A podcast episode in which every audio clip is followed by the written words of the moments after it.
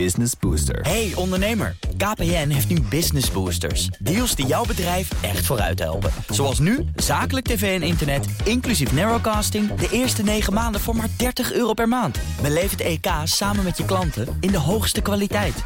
Kijk op kpn.com slash businessbooster. Business Booster. Het is uh, drie over half vijf. Goedemiddag. De lockdown wordt verlengd. De basisscholen gaan weer open. Winkels mogen een afhaalpunt openen. En er is een routekaart gepresenteerd. Econoom en initiatiefnemer van Herstel NL, Barbara Baarsma... is niet blij met de maatregelen. En we vroegen haar vlak voor de uitzending... wat ze vindt van de onlangs gepresenteerde routekaart. Um, hij geeft weinig perspectief. Uh, en dat is mijn, uh, een van mijn bezwaren. En het is een variatie uh, van de eerdere routekaarten. Terwijl het feit dat we um, de mensen echt aan het einde van hun Latijn zijn. Vanmiddag kwam weer een bericht naar buiten dat iedereen, alle generaties, door alle groepen heen, hun geestelijk welbevinden aanzienlijk lager scoren dan anders. En jongeren zelfs echt nog heel veel lager. Men heeft behoefte um, aan een perspectief. En deze routekaart biedt dat eigenlijk niet. Het zijn variaties op lockdown, avondklok, lockdown, avondklok.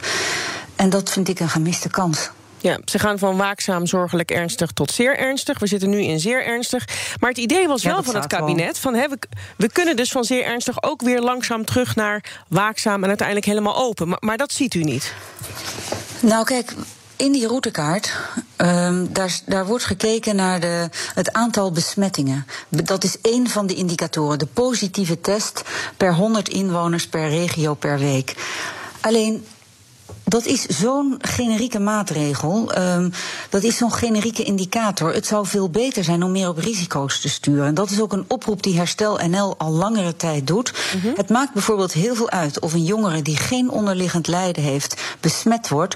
Of dat iemand die 75 is en ook nog eens onderliggend lijden uh, heeft besmet wordt. Die laatste, die zou wel eens een grote kans kunnen maken om in het ziekenhuis of nog erger op de IC terecht te komen. Die, dat wil je dus echt voorkomen. Richt dus alle maatregelen daarop mm -hmm. en geef meer vrijheid aan die jongeren zonder onderliggend lijden. Ja. En het beleid is nu, en dat was ook mijn bezwaar tegen de routekaart, dat ademt uit alle gevallen gelijk behandelen, terwijl de gevallen ongelijk zijn. En dat maakt dat het beleid disproportioneel is. Het heeft ja. dermate grote uh, nadelen dat het, um, uh, ja, dat, het, dat het niet kan.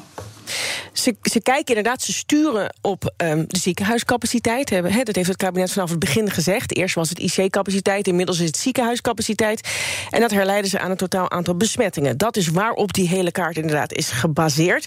Maar wat stelt u dan voor als u zegt, he, we gaan risicogestuurd werken? Waarop stuur je dan als het niet de ziekenhuiscapaciteit is? Dan stuur je is? op de kwetsbaren. En de kwetsbaren, die, de, nu is het zo dat wij op alle gevallen sturen. En dat maakt dat we de kwetsbaren onvoldoende beschermen. En degenen die uh, geen, niet kwetsbaar zijn voor een ernstig verloop van een COVID-infectie, mm -hmm. veel te veel vrijheden van hen inperken. Ja. Eigenlijk wat wij doen, er was een prachtig citaat onlangs in Trouw van een Franse filosoof. Wij offeren het leven op aan de vrees voor de dood. En. Um, dat is eigenlijk wat er gebeurt. Dat maakt ook dat het disproportioneel is wat wij doen. We zouden namelijk veel beter het beleid kunnen richten op die vatbare groepen. Wat zouden we kunnen doen? Heel concreet. Maar neem mij dan even mee naar, naar, de routekaart van Herstel NL. Want die moet er natuurlijk wel zijn. Want we hebben gezien in de zomer, als nou, er heel veel jongeren besmet raken... dat uiteindelijk dus die ouderen ja. ook besmet raken. En dan krijgen die ziekenhuizen een probleem. Dus wat ziet u nou concreet voor u? Want dat, dat zie ik nog niet. Nou, dat uh, zal ik dan uh, toelichten. Wat wij voor ons zien is dat wij die kwetsbaren, dat wij die uh, ondersteunen, faciliteren om in zelfquarantaine te gaan, om zelfbeschermende maatregelen te nemen. Dat kun je doen door één, de ziektewet aan te passen. Diegenen die in een huishouden zijn waar iemand kwetsbaar is, maar die eigenlijk niet thuis kunnen werken vanwege de, de aard van de werkzaamheden, bijvoorbeeld als je in de zorg werkt of in een fabriek werkt of in de bouw, die kunnen toch thuis blijven uh, en vallen in die speciale tijdelijke ziektewet. Twee, we hebben in de economie heel veel onbenutte capaciteit. Denk aan stilstaande taxis. Schoonmakers die geen werk hebben omdat kantoren veel leger zijn. Denk aan uh, vakantiehuizen die leeg staan, hotels die leeg staan. Uh, maak daarvan vouchers uh, die je de mensen die kwetsbaar zijn geeft om hen in staat te stellen in zelfquarantaine of zelfbeschermend te zijn. Ja. Bijvoorbeeld schoonmaken of maaltijdenservice aan huis. Dan hoeven ze ook niet naar buiten. Als zij wel naar buiten willen, en dat is de derde knop, kunnen wij eh, safe time zones en safe areas maken. Bijvoorbeeld zoals in de supermarkt, een uur waarin alleen de kwetsbaren komen. En iedereen die daar komt, moet zich aan zeer strikte maatregelen houden. Ehm, dan creëer, bescherm je degene waar het om gaat. Ehm, en we hebben eigenlijk gezegd: best kabinet, best OMT. Lieve RIVM, wilt u dit eens doorrekenen? En dat is gewoon niet gebeurd. En dat is eigenlijk het bezwaar dat ik heb, ook tegen deze routekaart. Er wordt niet naar alternatieven gekeken. Terwijl, die terwijl het huidige beleid, dat kan, het kan niet meer. Ehm, en we hebben, ik weet niet of men dat weet, maar er is zo'n mooie indicator van. ehm, een universiteit van Oxford. Daarin wordt de striktheid van de lockdown gemeten. Wist, wist u dat Nederland op dit moment de meest strikte lockdown van Europa heeft? Ja. De aller, de meest strikte. Ja, wist ik. En, en tegelijkertijd zijn onze cijfers niet het slechtst. Dus we zijn ergens, zijn we, geen, eh, zijn we te weinig maatwerk aan het leveren. En dat gaat ten koste van allerlei maatschappelijke eh, ehm, gevolgen en ook eh, economische gevolgen. Nou, en ik denk dat het tijd is dat we daarom dat in elk geval doorrekenen. En dan krijg je als verwijt wel te horen, ja. Maar je kunt uh, die kwetsbare groepen niet helemaal isoleren van de rest. Maar dat verwijt wordt niet bij het huidige beleid gemaakt. En wij zeggen, wij gaan althans proberen om uh, de, de meest kwetsbare groepen beter te isoleren, beter in staat te stellen om aan zelfbescherming en zelfquarantaine te doen. Reken het eens door. Ja. In ieder geval heb een open dialoog. En dat is er gewoon niet. Je luistert naar BNR in de middag. We praten uitgebreid met Barbara Baarsma, econoom en initiatiefnemer van Herstel NL. Ja, u zegt net, iedereen moet zich er wel strikt aan de maatregelen houden. En volgens mij is dat nou net het probleem met Nederlanders. We zijn niet echt geneigd om dat te doen. En dat is volgens mij Nee, ook een van de oorzaken waarom we nu in zo'n hele strenge lockdown zitten. Omdat de maatregelen die we hadden zouden voldoende moeten zijn. Maar dat was het niet. Dus moest er nee, maar ik zei, ik zei heel iets anders. Ik zei, we bouwen safe zones en safe areas in hotels, in supermarkten in restaurants, waar mensen die zichzelf kwetsbaar achten, op dat specifieke uur, op die specifieke dag, in dat specifieke segment naartoe kunnen. En op die momenten en in die segmenten gelden extreem strenge maatregelen. Maar dan, dan, dan zodat we die dus een- mensen aan zelfbescherming kunnen doen. Dan krijgen we dus een in de rest van de die- tijd, in de rest van de economie gelden veel minder strikte maatregelen. En wat je zal zien, is dat dan het draagvlak voor die mildere. Eh, eh, maatregelen veel groter is, want men voelt zich eindelijk gekend. De reden dat men zich er nu niet aan houdt, is dat men zich niet gekend voelt. Gisteren in de persconferentie voor het eerst ehm, liet Rutte iets doorschemeren van dat ze wel hadden gekeken naar andere effecten. Impliciet zei hij: we hebben er gewicht nul aan gegeven, behalve aan kinderen, want we gaan de scholen openen.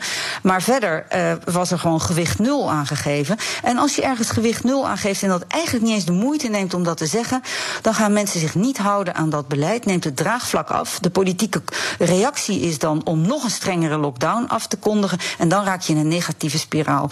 Want dan gaat het draagvlak nog verder naar beneden, is de reactie een nog striktere lockdown. En eh, zoals een avondklok bijvoorbeeld.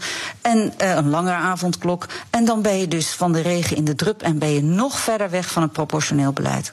Eh, maar, als ik het goed begrijp, zijn er dus wel. Dan, dan krijgen we straks, als de maatregelen en de routekaart van herstel NL wordt ingevoerd, dan krijgen we wel twee samenlevingen. Hè? Een samenleving waar bijvoorbeeld mijn kwetsbare ouders in gaan zitten. En de samenleving waar ik ehm, zelf aan mag deelnemen.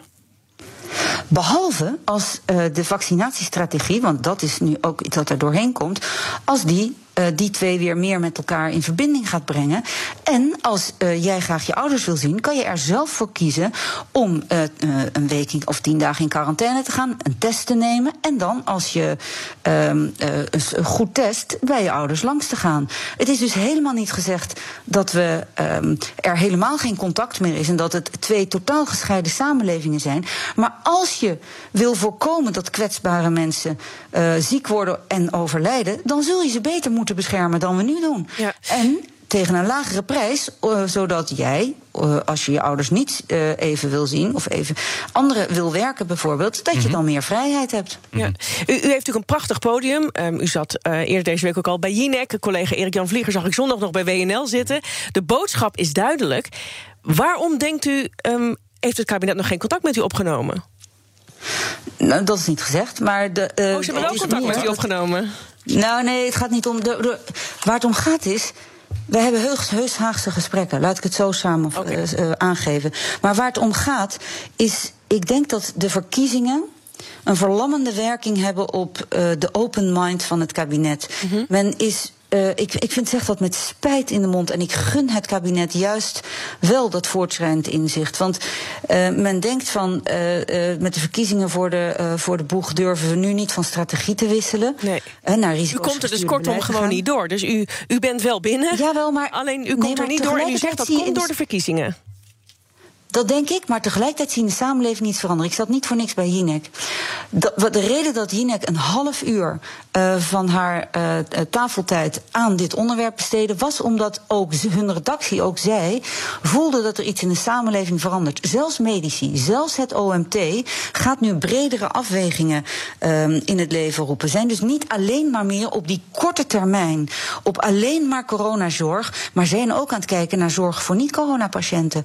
En ik hoop dat de politiek daar eh, zijn voelsprieten nog steeds voor open heeft staan. Want ze zijn wel misschien wel demissionair en er komen wel verkiezingen. Maar op het coronabeleid zijn ze nog steeds missionair. En ik hoop dat ze daar de samenleving niet aan gaan doen. Dat wij nu de strikt, meest strikte lockdown van Europa hebben, houden.